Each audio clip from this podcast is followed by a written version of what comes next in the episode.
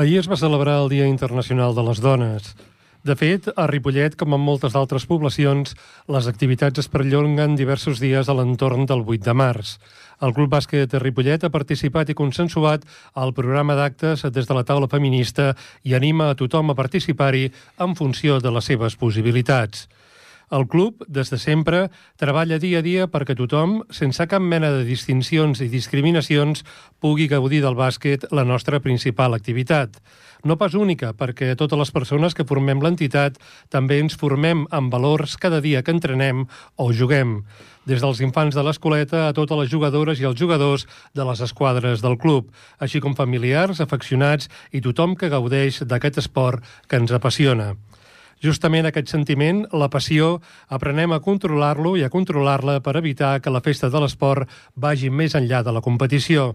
És un contrasentit que situacions alienes a l'esport apareguin durant els partits i quan aquests finalitzen, en sonar la botzina final. Res no justifica els insults als àrbitres i les jugadores i els jugadors.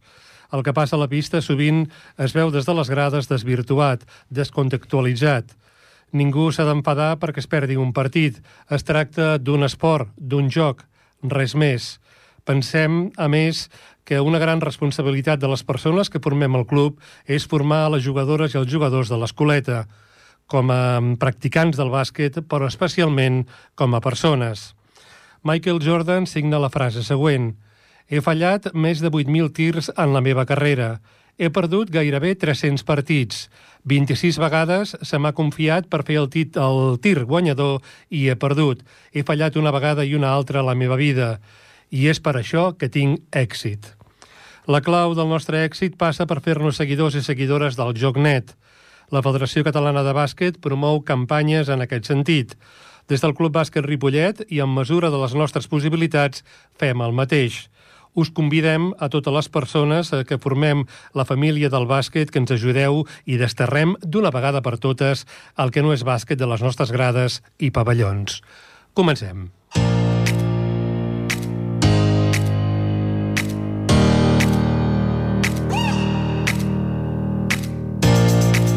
Abans de repassar els continguts per al dia d'avui, comunicar-vos que tenim una persona a la infermeria, en Salvador Serra, que el tenim eh, afectat per un refredat important d'aquests que apareixen en aquesta època pre, primaveral. Salvador, des d'aquí, doncs, millora't, com també ho facin totes les persones del món del bàsquet i de Ripollet en general que estiguin afectades de cap malaltia. Després de l'editorial del programa, anunciar-vos que avui ens acompanyarà Miquel Miquel Estapé. Ell és exjugador i exentrenador del Club Bàsquet Ripollet. Escriptor, acaba d'aparèixer, per cert, la segona edició de la seva novel·la Poe. Amb ell parlarem de bàsquet i de literatura. Posteriorment ens acompanyarà Víctor Cortada. És jugadora de bàsquet, jugador de bàsquet en cadira de rodes. També fa de radiofonista a Cerdanyola Ràdio, junt amb el, Ma, junt amb el Mac Igor, que, per cert, doncs, comanden de Combat Ràdio i és membre d'una entitat com és la Constància Factoria Cultural. Amb ell parlarem de bàsquet, doncs, i parlarem de com és que fa tantes coses i, a més a més, ho fa amb força èxit. Avui és uh, un dia en què els nostres equips equips, les nostres esquadres, com sempre, preparen els partits el proper cap de setmana. És per això que connectarem amb Francisco Soro, l'entrenador del sènior femení, per veure com tenim a les nostres uh, campiones. I farem el mateix amb Raül Jodra per saber com estan els nostres campions. Tot això i una mica més a partir d'ara al 91.3 a Ripollet Ràdio.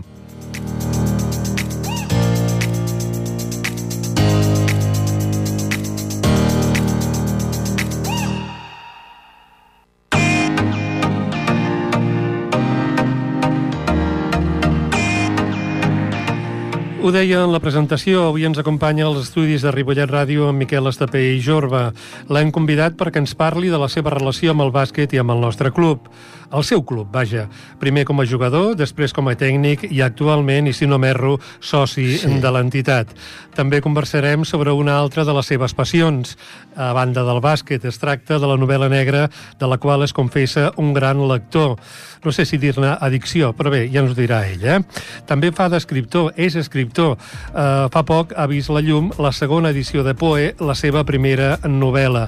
Abans ja ens havia obsequiat amb un uh, llibre de relats curts. Poe, per cert, és un perdiguer del poble que, a més a més, hi viu, a Ripollet. Avui li preguntarem a Miquel si té o ha tingut amb Poe alguna relació amb el bàsquet. Per això ja ens ho dirà ell. Miquel Estapé, benvingut. Hola, gràcies. Bon vespre. Gràcies per acompanyar-nos avui al Cor Blau. Per uh, començar, si et sembla, i abans no parlem de lletres i parlem d'ampoa mm. i tot el que tu vulguis, fem una mica d'història amb la teva relació amb el món del bàsquet. Com i quan comença aquest enamorament teu amb el bàsquet? Bueno, comença al voltant dels 9-10 anys, que vaig començar en els hermanos, l'escola dels hermanos gravialistes, ara se'n diu Sant Esteve, però llavors Sant Gravi, eh, gravialistes, i era la manera de fer un esport que pràcticament era l'únic esport que es podia fer a l'escola, perquè no hi havia camp de futbol, això del fulbito que diuen ara, del futbol sala, va sortir molts anys després, i llavors allà era el bàsquet, el bàsquet. I vaig començar en una època on, per exemple, un any més enrere que jo, gent com el Chichi Creus, que va començar també, era un, un any, uns mesos més jove que jo, eh, és més jove que jo, uns mesos, diguem-ho així, després el el Francesc Balaguer, el doctor Balaguer, conegut aquí a Ripollet, més que el doctor Balaguer, érem la gent, junts amb altres, però aquests potser van ser els més significats, sobretot el Chichi Creus, no? que té un pavelló que és eh, porta el seu nom, no? Només falta penjar-li la samarreta. Un dia s'hauria de, de plantejar penjar-li la samarreta aquí. Ara que estem amb el Marc Gasol, que, amb el Marc Gasol, que ha penjat la samarreta dels anys Breakers... Pues, en Pau, en Pau, si en Pau Gasol, perdó. En Marc també li penjaran, sí, segur. El Marc li penjaran segur, però bueno, aquí anem com anem, no? I, bueno, és una... Bé, és, és, és aquí. Vaig començar així, no? I Molt a partir d'aquí vaig anar seguint tot el procés que, que anava venint. Molt bé. Uh, la senyora presidenta, si ens escolta, prengui nota del que ha dit en Miquel, ah, de, de retirar la, la samarreta d'en Joan i que pugui penjar del sostre on sigui del, del francès Berneda. Mm, dues nissagues familiars del bàsquet, els Creus i sí, els Balaguer. Els Balaguer. Uh, actualment juga un Creus eh, el, bueno, juga un Creus al bàsquet Ripollet, el sènior B i el sènior A, i un altre Creus que no juga en un equip de Ripollet, però vaja, la nissaga continua. Amb els Balaguer penso que ja va acabar, però també hi va haver diverses mm. generacions, com a mínim tres generacions mm. de, de jugadors de bàsquet. En la teva va ser mm, flor d'una generació o té continuïtat? Penso Home, que té continuïtat, té no? Té continuïtat amb el meu net, l'Adrià. Té continuïtat perquè ha començat ara i, a més a més, eh, fa unes coses que eh, bueno, ja ho dic, dic que eh, s'ho pren, a més a més, amb moltes ganes i, eh, i demana consells, consells limitats a l'avi, perquè l'avi... Però, bueno, està molt bé i bueno, és, és, està començant, està Ramon Fuster i llavors, bueno, ja 10 anys, eh, molt bé, i a més a més estic molt content i de que, de que segueixi i veig que s'ho pren amb ganes i amb dedicació i això també encara em fa més content. Mm.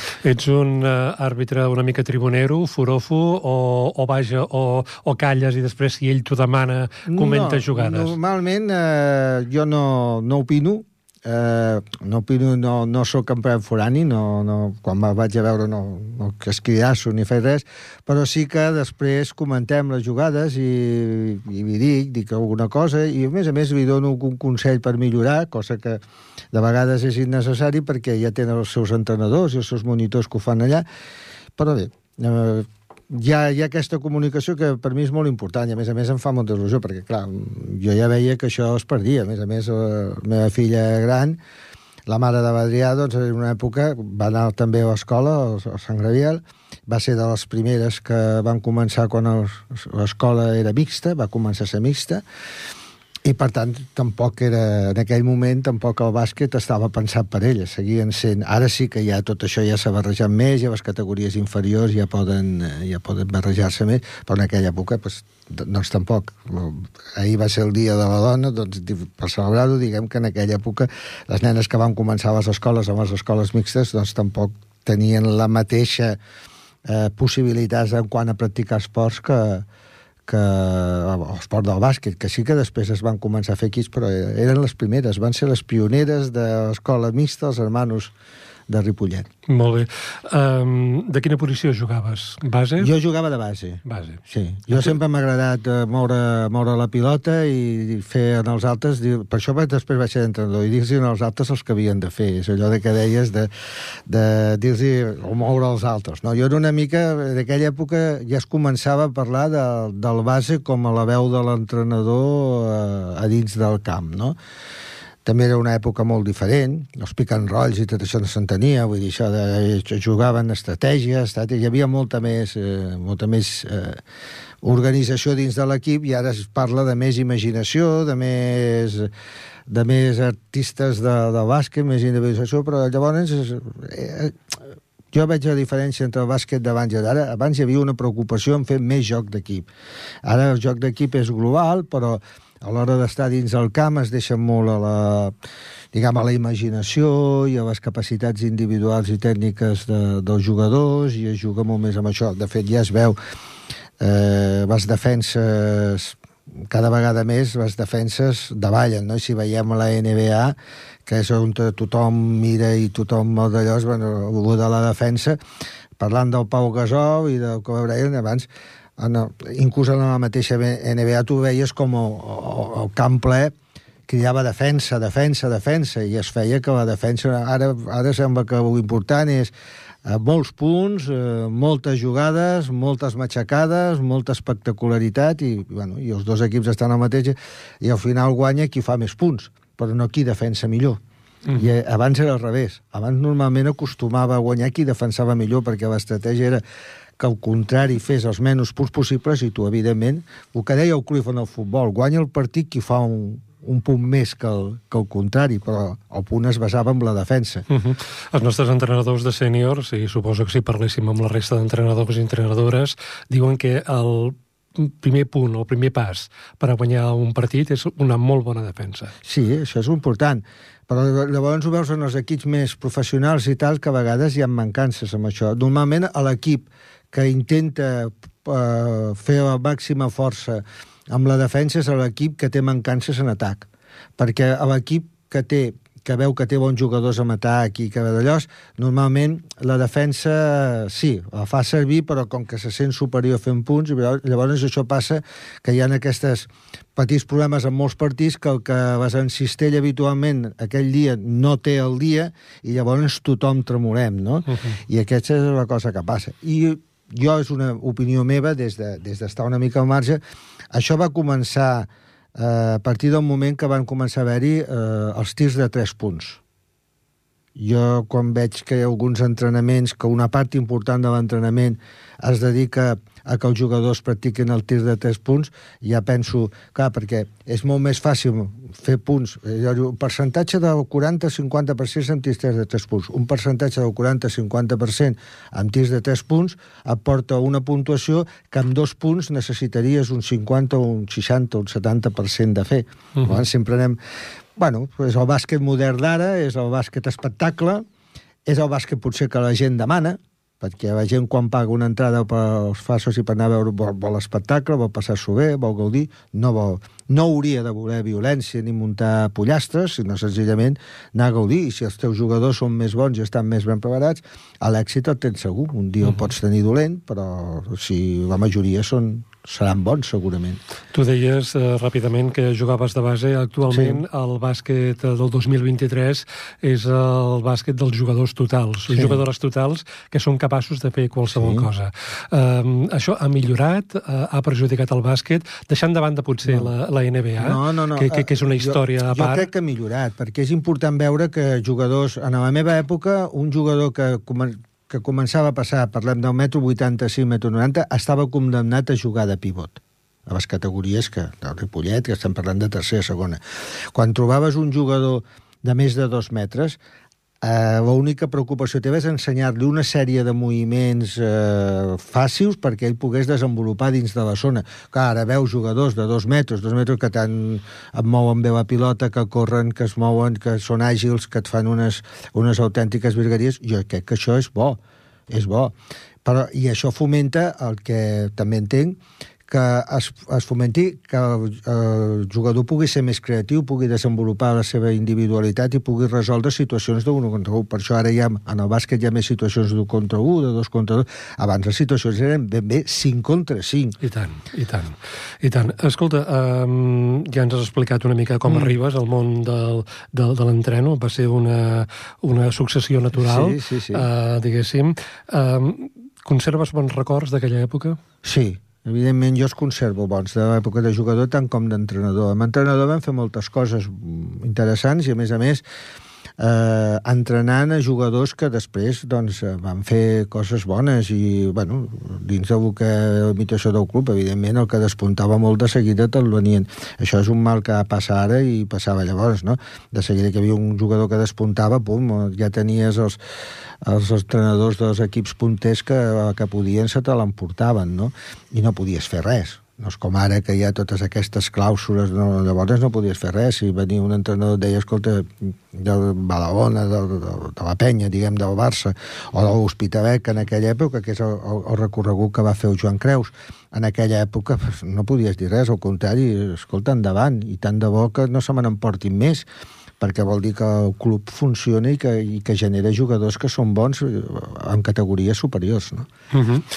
um, tu vas estar entrenant a la base, sí. el Club Bàsquet Ripollet actualment ha posat en marxa una escoleta. Uh -huh. Jo no sé pas si quan tu feies entrenador eh, tenies ben present eh, inculcar valors també als teus jugadors. Sí, es feia, es feia. El que passa que mm, llavors el funcionament era eh, fins a infantils els jugadors sortien dels hermanos, i després ja juvenils arribaven a Ripollet, hi havia un sol equip de juvenils, tampoc sortien tants jugadors com per tenir tants llavors, perquè era molt, molt limitat. A més a més, en una època on eh, qui no jugava a futbol, si jugava una altra cosa, ja no, ja no es tenia en la mateixa condició. Llavors, el futbol, el futbol, el futbol, i només hi havia futbol i el bàsquet, i aquest mateix procés, per exemple, el handball també el va recórrer, no?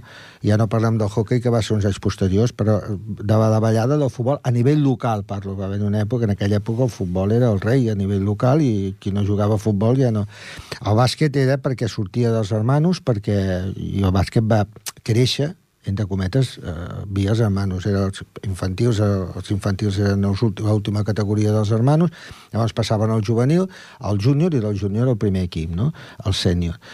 I aquí és on es veia tot això. Llavors sí que hi havia alguns jugadors que no, no podien passar al sènior del Ripollet, perquè quan el Ripollet jugava a segona i a tercera ja estan parlant d'unes categories on no qualsevol jugador que sortís de la cantera, no tothom eren Joan, érem Joan Creus, no tothom érem així, i per tant, eh, però hi havia equips al voltar, hi havia equips al voltar de la població que algun jugador que no tenia sortida eh, a nivell del primer equip del Ripollet doncs podia anar a jugar a, a categories inferiors però amb equips a prop. No, no, si volia continuar jugant a bàsquet no havia d'anar juny. Jo poso dos exemples que, al més a més, els vaig entrenar jo a Badia, perquè quan es va acabar la meva etapa d'entrenador a Ripollet vaig anar a espetegar a Badia, i a Badia em vaig emportar dos jugadors, a més a més, que els sou coneguts del club d'ara i els teniu en el staff, el Manolo Ortega i el Carles Tatxer i vam fer una temporada a Badia, me'ls vaig emportar tots dos. Jo sortíem de Ripollet, tots dos amb el meu cotxe, anàvem cap allà a Badia, fèiem els dos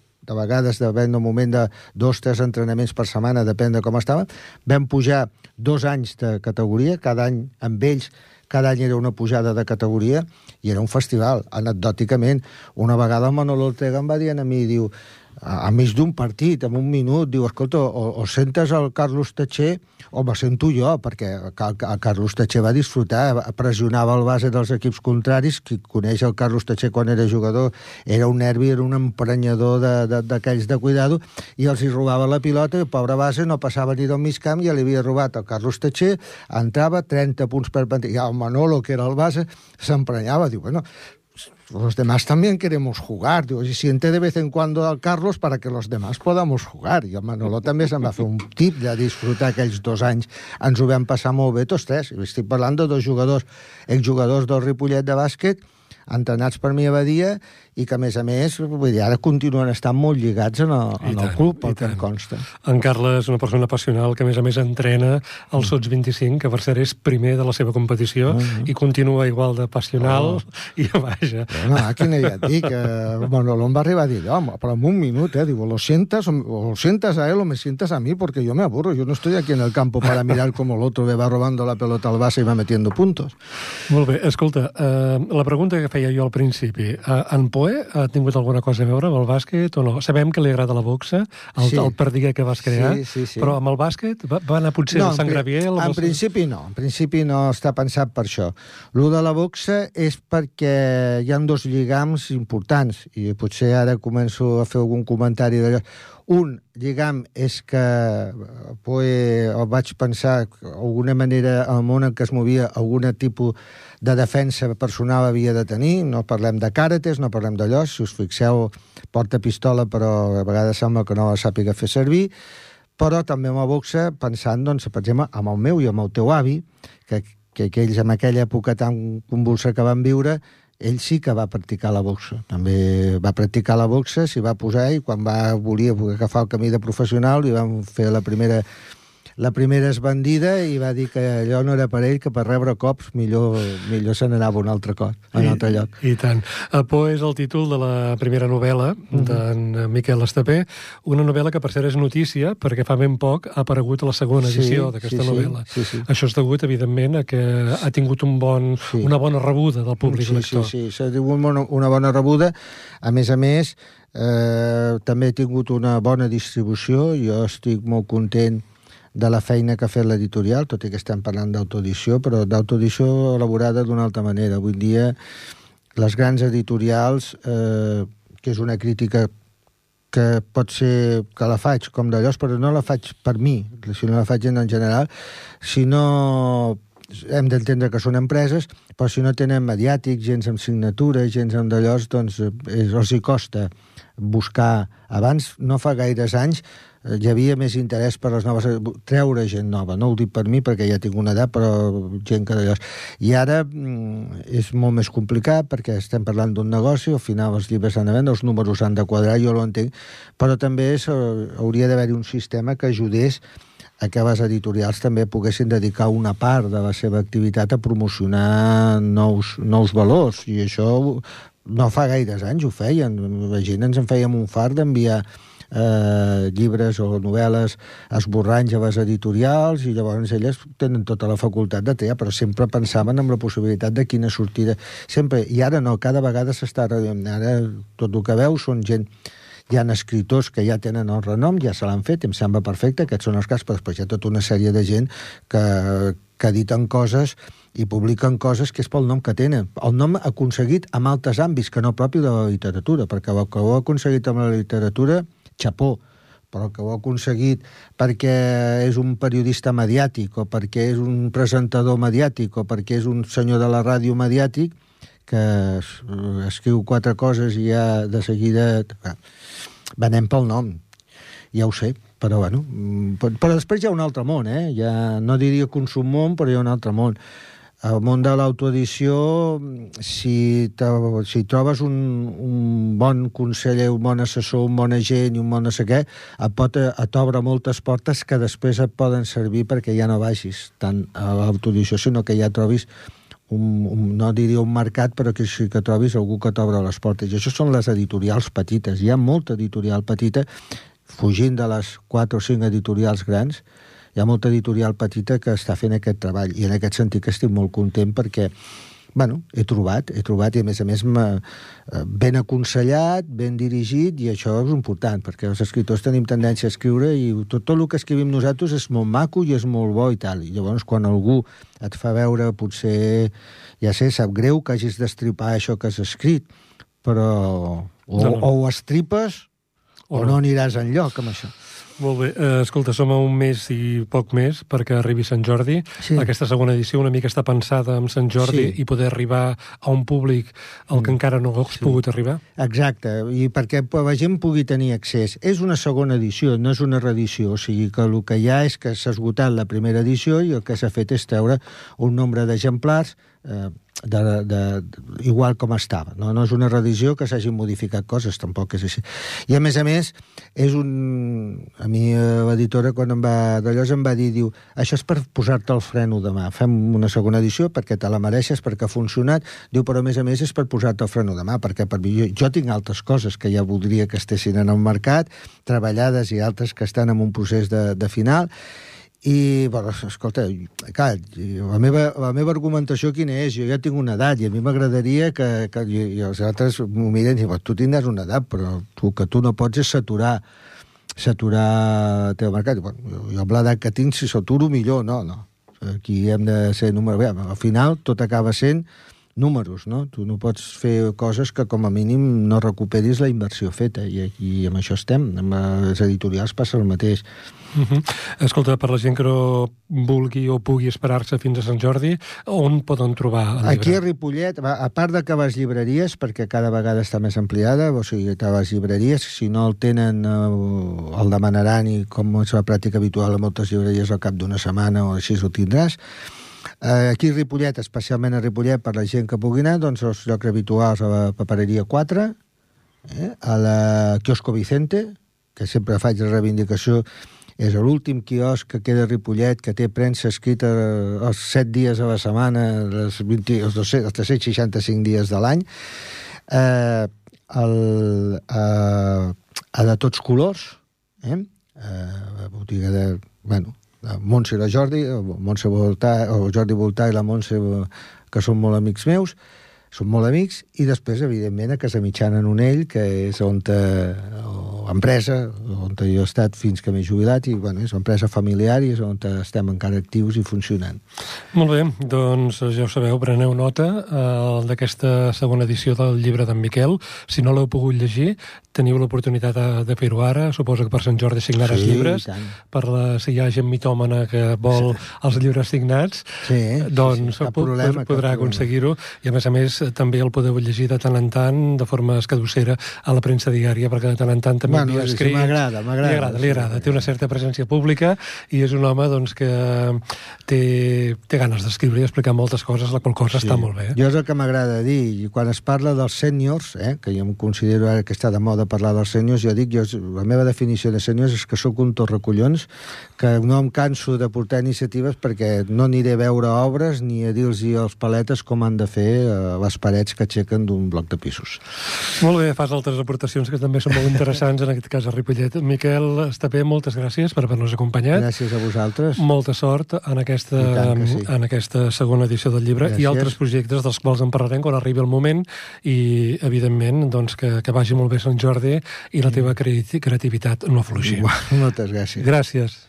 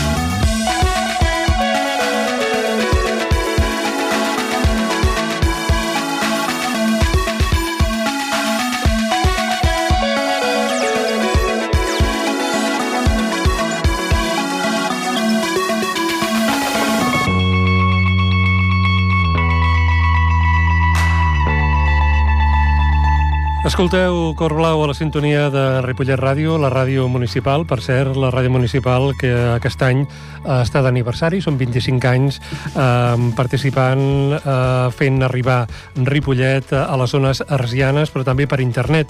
De fet, aquest programa, el Cor Blau, el programa del Club Bàsquet Ripollet, eh, també s'emet per YouTube, vull dir que estem en directe ara mateix per YouTube.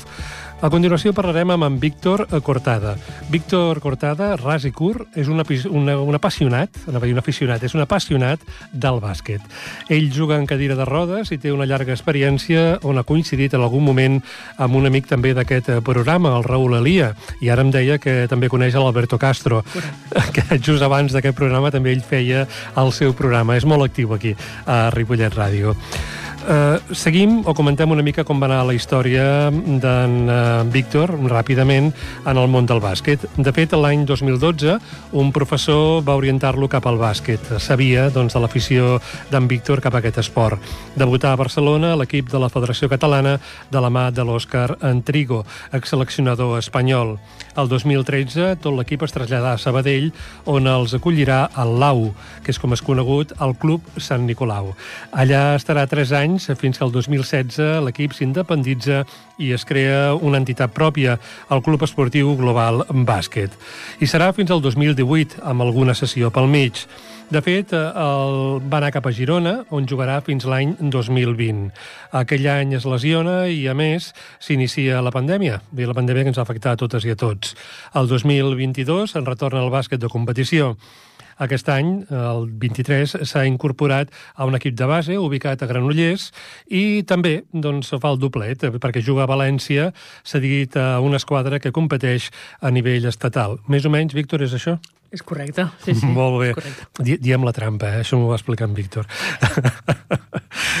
Víctor, eh, gràcies per venir. En Víctor resideix a Cerdanyola, si no m'erro. Correcte i ha tingut a bé doncs, acompanyar-nos atenent la petició d'aquest programa, perquè aquest programa vol parlar de bàsquet de totes menes, totes les maneres en què es fa bàsquet, i en cadira de rodes és potser una forma de fer bàsquet que, que, que no coneixem gaire.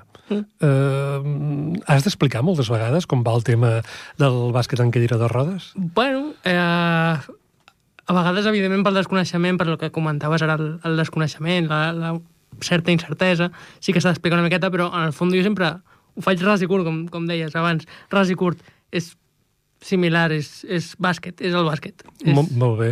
Uh, uh, escolta, uh, d'on et ve la teva passió pel bàsquet?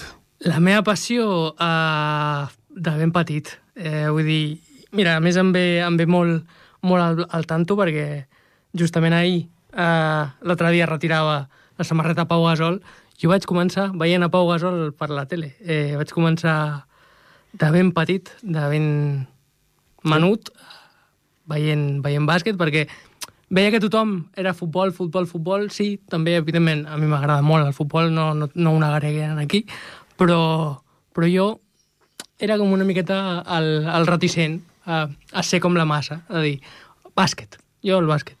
I és això, de, de ben petit. M'aixecava, fins i tot m'aixecava a veure els partits de, de la NBA.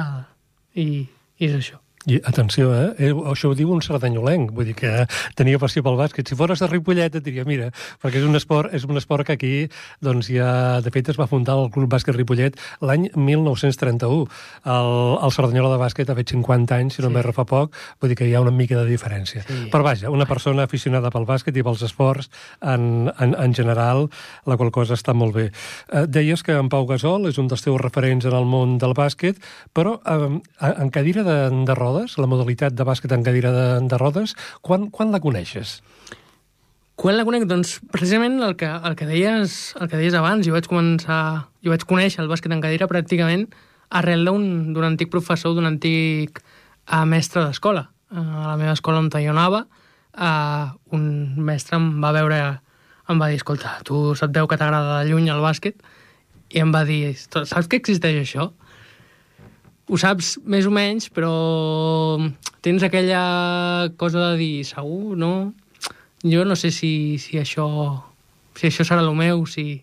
Perquè sembla molt difícil, però, però ho proves i, i t'enganxes. Uh -huh. De fet, tècnicament vosaltres jugueu en cadires especials, eh, que, que estan són com les convencionals, mm. però adaptades per poder jugar. Sí, exacte. exacte. Bàsicament, la, la diferència més visual, més, més ràpidament eh, visible que, que hi ha és el, la part de les rodes, que, que són, bueno, estan ubicades en diagonal per aconseguir una miqueta més d'estabilitat. Uh -huh. Tot i que, evidentment, una vegada veus bàsquet en cadira, veus que l'estabilitat és una cosa relativa perquè acabes caient quasi sempre, però bueno. És a dir, que acabeu una mica lesionats o com a mínim colpejats. Bueno, acabes el que en castellà se'n diu curtido. Acabes, acabes fet, fet a, al bàsquet. I diguem-ne, potser també amb una mica de dolenteria, no? Perquè de vegades saps que potser si piques amb la teva cadira allà, doncs pot ser que l'altre es desequilibri bueno, o... És com a la vida, s'ha de, de tenir picardia, s'ha de tenir ull i, i buscar-te i fer-te la, la teva. Sí, sí. Molt bé. No m'ho reconegut obertament, però vaja. Bueno. jo, com feia d'entrenador, i, i permetem una anècdota personal, sí. hi havia un, un noi, un nen, que en, eh, era una mica reticent a jugar, i jo li deia que era el bàsquet era, era un esport on no hi havia cops ni coses d'aquestes, fins que un dia li va tocar jugar a la, a la botella, i llavors sempre m'ho retreia. Diu, clar, vull dir, el tema està que no et vegi l'àrbitre. Exacte.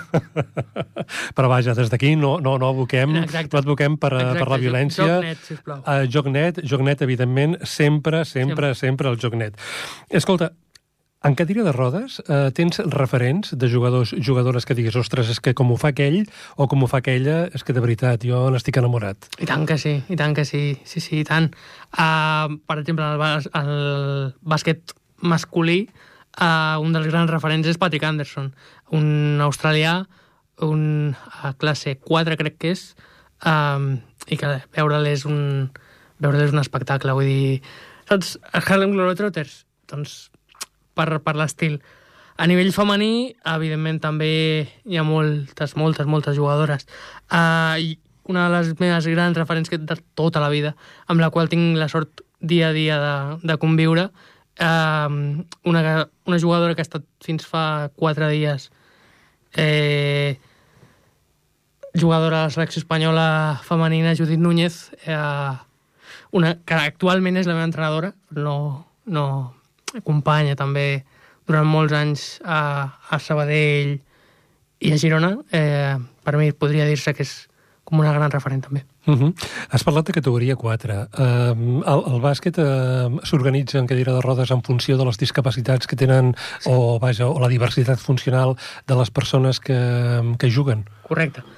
S'estructura uh, en, en la classificació típica de base a l'E, base escolta a l'E, a la pivot i pivot, però eh, també va en funció de la dificultat que tens a, a, per moure't.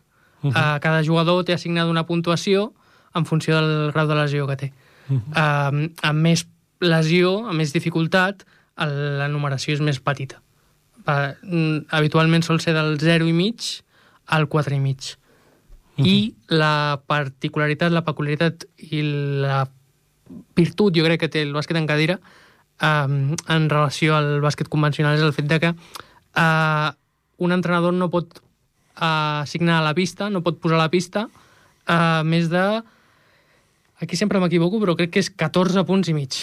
Entre els, el total dels 5 jugadors no, pot, no poden sumar les seves classificacions més de 14 punts i mig. Uh -huh. Una mica la, la manera de garantir que juguin tots? O... Exacte. La manera, la manera de garantir que juguin tots i totes i també que l'equip sigui equitatiu, que sigui que no sigui un equip de jugadors amb poca lesió envers un altre equip amb gent que potser té més lesió, més afectacions. Mm -hmm. I si no fossis el Víctor Cortada i jo et demanés que m'expliquessis qui és el Víctor Cortada com a Uf. jugador de bàsquet, què em diries? Uf. Uh, de què jugues tu? Uh, quines són les teves virtuts?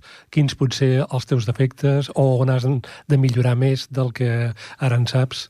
Abans, eh, abans m'has introduït com eh, un, una, un aficionat. I, I jo t'ho dic així de clar, un aficionat. O sigui, és així. Vull dir, jo sóc una persona, un humil jugador de bàsquet que realment mai ha tingut allò 35, 30 minuts per partit mai, mai ho ha tingut. Uh, sempre he sigut un... aquell típic jugador que fa la feina bruta i de fet m'ha agradat sempre fer la feina bruta perquè tampoc és que em, em sentís molt còmode jo acaparant els focus uh, i bàsicament em definiria així una un jugador al que li agrada fer la feina bruta i també t'haig de dir que des de fa això, des de que vaig, estic a Granollers, principalment, eh, una de les coses que estic intentant, aprenent, eh, i a poc a poc aconseguint, també t'ho haig de dir, és el que a mi sempre se m'ha dit de treure'm la motxilla de sobre. Perquè jo sempre, a mi se m'ha dit que jo tenia, com carregava, carregava molt a l'esquena, em carregava molt frustracions, certes eh, bronques, certes coses, i que no em deixen a mi, o que no em deixaven jugar, d'explotar i, i treure tot el potencial, i treure tot el, tota la passió i tota la, tot el bon rotllo que en teoria és per que la gent juga a bàsquet, no? per passar-s'ho bé, per, per gaudir. Molt doncs, bé. doncs això. Justament és el verb, gaudir, no? Enjoy, uh, d'això es tracta. Enjoy, correcte. I llavors és el que tu intentes a cada partit. De fet, ja fa uns anys que jugues, continues jugant, uh, suposo que uh, això continuarà. Això continuarà, això continuarà, sí, sí. Hi ha hagut moments en què no ho tenia jo tan clar, per, per exemple, el moment aquell de la lesió el 2020, la lesió i l'aturada per la pandèmia, va ser un moment complicat, un moment molt fumut, eh, per què no dir-ho, perquè, clar, vull dir, estàs pensant en canviar d'equip, eh, dius, ah, vale, ara on vaig, què faig, però podré continuar, però clar, el que dèiem abans de la motxilla, no? Però jo mai he sigut un jugador pel qual els equips es, es barallin, què fas? Ho deixes, mm, et treu temps, però clar, al final penses nen, això és el que tu et mou, això és el que, el que, el que tu realment vius, amb el qual s'ha de continuar. Molt bé. Hem de dir que en Víctor, el Víctor també el mouen altres coses. És el DIRCOM, el director de comunicació d'una entitat de Cerdanyola, la Constància Factoria Cultural. Eh, també fa ràdio, ho fa a Cerdanyola Ràdio, la una germana. Correcte. Ho fa amb el Mac Igor, el programa es diu The Combat. Mm -hmm. eh, el podeu escoltar doncs, eh, al 105.3 i també tenen xarxes socials i altres coses. Mm -hmm. Escolta, entre totes aquestes coses, tens, vaja, tens la vida a tope, no? Sí, una miqueta, una miqueta, sí, sí. A casa em diuen que, que poc... Bueno, per sort estic bastant, bastant per casa teletreballant i aquestes coses, però uh, ah. poc, a poc em veuen. A més a més treballes? A més a més treballo. sí, poca, poca, poca em veuen el pèl. Em Molt. diuen a vegades que no surto poc de l'habitació. Molt bé, estàs enfeinat i, i, i gaudeixes. Sí. Uh, escolta, explica'ns una mica aquesta experiència amb el Mac Igor, que és un Mac una mica especial. Uh, si podeu anar-lo a veure allà on actuï. Uh, com va ser que és va tota una experiència. aquesta idea de fer ràdio amb ell? És tota una experiència anar-lo a veure, jo també ho recomano moltíssim. Uh, doncs va ser una cosa molt natural, molt, molt, molt natural. Vull dir, tant ell com jo col·laboràvem en una activitat que es va fer a Cerdanyola, Uh, ell tenia el coquet de, de la ràdio, uh, com, com tothom, uh, els que ens dediquem eh, a coses no eh, amb un horari fix, uh, hem de, evidentment, fer-nos veure, i, i em va comentar, em va dir, escolta, tu feies ràdio, no? Tal. Efectivament feia ràdio, eh, però per certes circumstàncies el programa que abans tenia amb, amb altra gent eh, el vaig haver de parar per el tema de la pandèmia i de més, i més temes també eh, de bloquejos, bueno, de coses, coses mentals, d'ansietats i de més històries, ho vaig haver de parar. I, i és això, i el, això el, el 2021 va ser, doncs això em va, em va contactar simplement ell en aquest, a través d'aquesta activitat, em va dir si, si, si volia fer ràdio, si volia tornar. I li vaig dir, evidentment, que sí.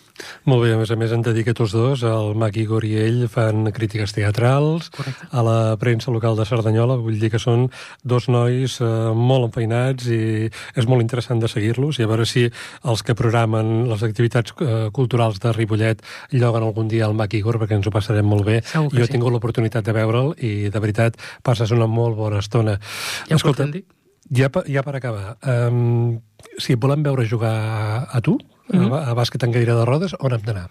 Doncs a Granollers, a, al Club Bàsquet Granollers habitualment, juguem al pavelló Congost els diumenges a les 12. Uh, que poden haver-hi algun tipus de, de modificació, en, en tot cas se'ns se, se pot contactar, uh, i si no, doncs, a veure què passa l'any que ve, perquè en principi cap temporada ara en València, però també uh -huh. El Club Bàsquet Gran Granollers, que és el, el club històric. El club històric, sí. Per cert, per on va passar en Joan Creus, en Joan Chichi. Correcte, el Chichi Creus. Té, té la samarreta retirada. Retirada. Ah, molt bé. És la, la samarreta és blanca, si no m'equivoco, mm. oi? Sí. Vull dir, és un dels clubs centenaris, si no sí. m'erro, o, vaja, o eh, va camí dels 100 anys. Sí, sí, centenari aquest any ha fet el 100, sí. Imagina't tu, sí, van, anem lligant coses, eh? Vull sí. dir, tot, tot està lligat. Eh? Tot està, sí. molt bé, Víctor, uh, no sé pas si vols dir alguna cosa més, afegir alguna cosa més? No, no, no, simplement res. Moltíssimes gràcies uh, per donar-me aquest petit espai, per donar-me aquesta petita, aquest petit altaveu. I, I que, i, I que la gent vegi cadira de rodes. Correcte. Que no es posin límits, que es tracta de veure cadira de, bàsquet amb sí, cadira de rodes. El veiem molt de tant en tant, quan hi ha Jocs Paralímpics, mm. el veiem de forma escadossera, com, a, com esports olímpics, que cada quatre anys els passen i potser per mm. omplir mm. audiències, sí. però val, val la pena, vull dir, realment és espectacular. Val, val molt la pena, la veritat, sí, sí, perquè és, també és el que comentàvem abans, que teníem uh, les rodes uh, d'una forma per, en, en diagonal per, per evitar caigudes, però sempre hi ha caigudes. És, és un espectacle. El, el bàsquet en cadira, però l'esport adaptat en general és, és pur espectacle. Molt bé, doncs, Víctor, moltes gràcies per venir, uh, gràcies per acompanyar-nos a Cor Blau i, i tens les portes obertes d'aquest programa i d'aquesta casa, que és el Club Bàsquet Ripollet, que ja has vist que de, de lligams, de contactes en tens uns quants, eh? Moltíssimes gràcies a vosaltres. Gràcies, Víctor. Adéu. Adéu. Adéu.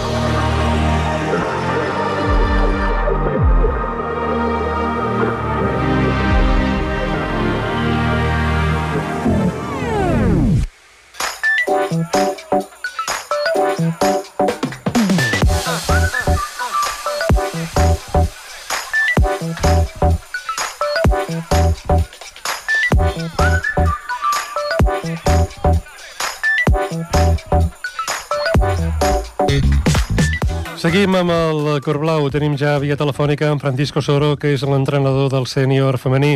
Francisco, bona tarda. Hola, bona tarda. Francisco, aquest eh, diumenge, bona tarda, aquest diumenge el sènior femení sí. jugareu al, al Berneda, eh, rebreu el Badruna sí. en Gràcia.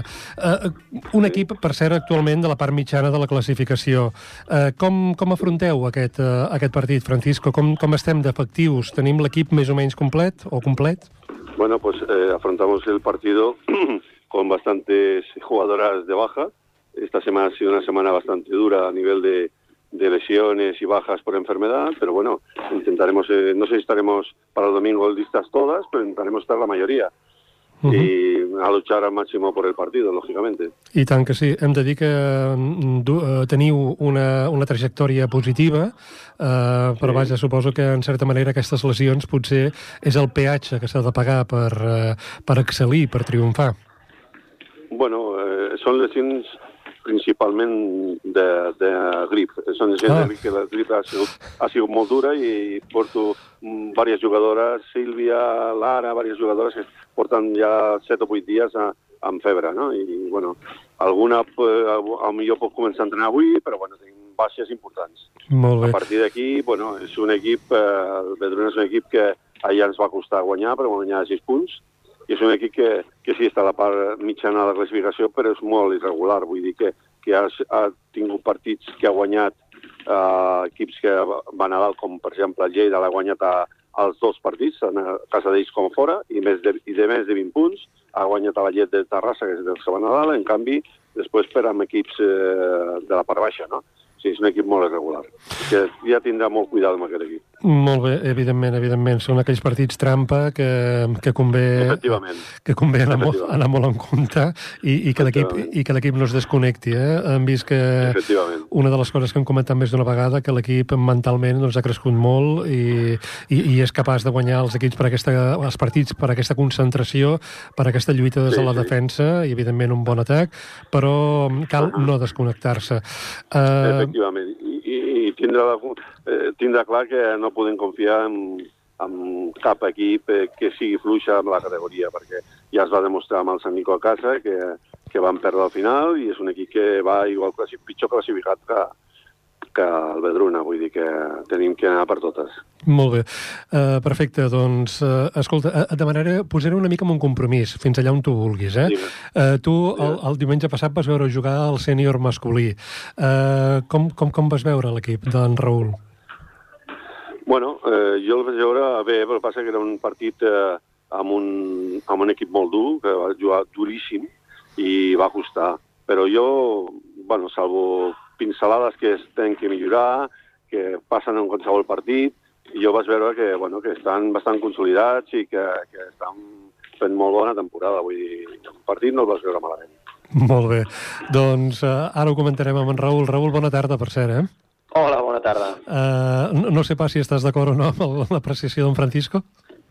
Bueno, al final el Tecla Sala és un equip que està competint amb tothom i ha competit molt bé amb, amb tots els equips de dalt, per tant ja sabíem que no seria un partit fàcil i, i bueno, així es va demostrar, no? Com, com bé ha dit el Francisco, pues, nosaltres ha moments de partit on estem molt bé, molt bé, i, i d'altres on, on bueno, ens costa una miqueta més, però el rival també juga i, i, i llavors doncs, ens hem d'adaptar i, i ja està, però en línies generals crec que vam fer un, un partit molt, molt sòlid i molt complet. Molt bé. Eh, Francisco, avui entrena, si no m'erro. Eh, gràcies per haver-nos sí, sí. acompanyat i, i, i, i, evidentment, eh, molta sort a tu i a tot, a, a tot l'equip del sènior. El diumenge estarem fent-vos costat i, i a veure si els punts es queden a casa. Molt bé, moltes gràcies. Gràcies. Bona nit a tots. Gràcies, igualment. Um, Raül, vosaltres eh, jugareu dissabte, un dia no és habitual per a vosaltres, no és massa habitual, jugareu a la pista del Sant Adrià, um, un equip que està a la part mitjana alta de la classificació. Uh, suposo que no hi ha, no hi ha rival petit uh, en aquest punt de la, de la competició. Um, com, com afrontes el partit? Què en saps del Sant Adrià? Bueno, evidentment, evidentment no, hi ha, no hi ha equip petit. Eh, I sí que és cert que, que bueno, és la quarta vegada que ens, ens enfrontarem amb ells, perquè l'any passat a la fase d'ascens ells ja van estar també classificats i, i, i ens vam enfrontar amb ells a casa d'ells i és un equip que, bueno, doncs això, no? Al final va estar a la final a 8 l'any passat, van jugar els quarts de final, i, i és un equip fort, no? Eh, també consolidat, un equip molt jove, eh, que ara ha incorporat algun jugador nou ara, darrerament, eh, i bueno, la seva pista sempre és complicada. De fet, eh, com bé deies, és un equip que està a part mitja alta, segurament dels desplaçaments que ens queden és un dels més complicats, eh, i han guanyat ja a Barberà, ai, perdó, han guanyat ja a Cerdanyola i a, i a Sant Cugat. Uh -huh. O sigui que realment un partit eh, fàcil no, no serà. Vaja, un, un equip, si em permets, mata gegants. Esperem que no sigui el cas eh, amb el nostre equip, que eh, venceu a, a, a Sant Adrià i porteu els punts cap aquí, que realment fan, fan molta falta. Eh, el temps se'ns tira al damunt. Raül, moltes gràcies per haver-nos atès i, evidentment, molta sort a tu, a tot el teu equip tècnic i, evidentment, als jugadors en aquest important partit que jugareu dissabte a Sant Adrià a la pista de l'UPSA. Gràcies i molta gràcies. sort, Raül. Vale, gràcies. Adéu-siau. Adéu. Adéu. Nosaltres marxem eh, pràcticament a punt d'acabar aquest programa. Dir-vos que aquest programa repetirà el dissabte, dia 11 de març, el dissabte d'aquesta setmana, a les 6 de la tarda i a la sintonia de Ripollet Ràdio, al 91.3 de la FM. Agrair, com sempre, la feina feta per en Jordi Puy i avui també Antoni Miralles, que ens ha ajudat a les vies tècniques i també doncs, una mica atenent i acomodant els convidats que han vingut a fer possible aquest cor blau. Diguéssim que ens han fet eh, fàcil la feina a l'hora de fer ràdio. Agrair també la col·laboració i la complicitat de les dones i els homes del Club Bàsquet de Ripollet i el veïnatge en general. Tornarem amb un nou programa el dijous dia 13 d'abril d'enguany de 2023. Fins llavors, salut i bon bàsquet.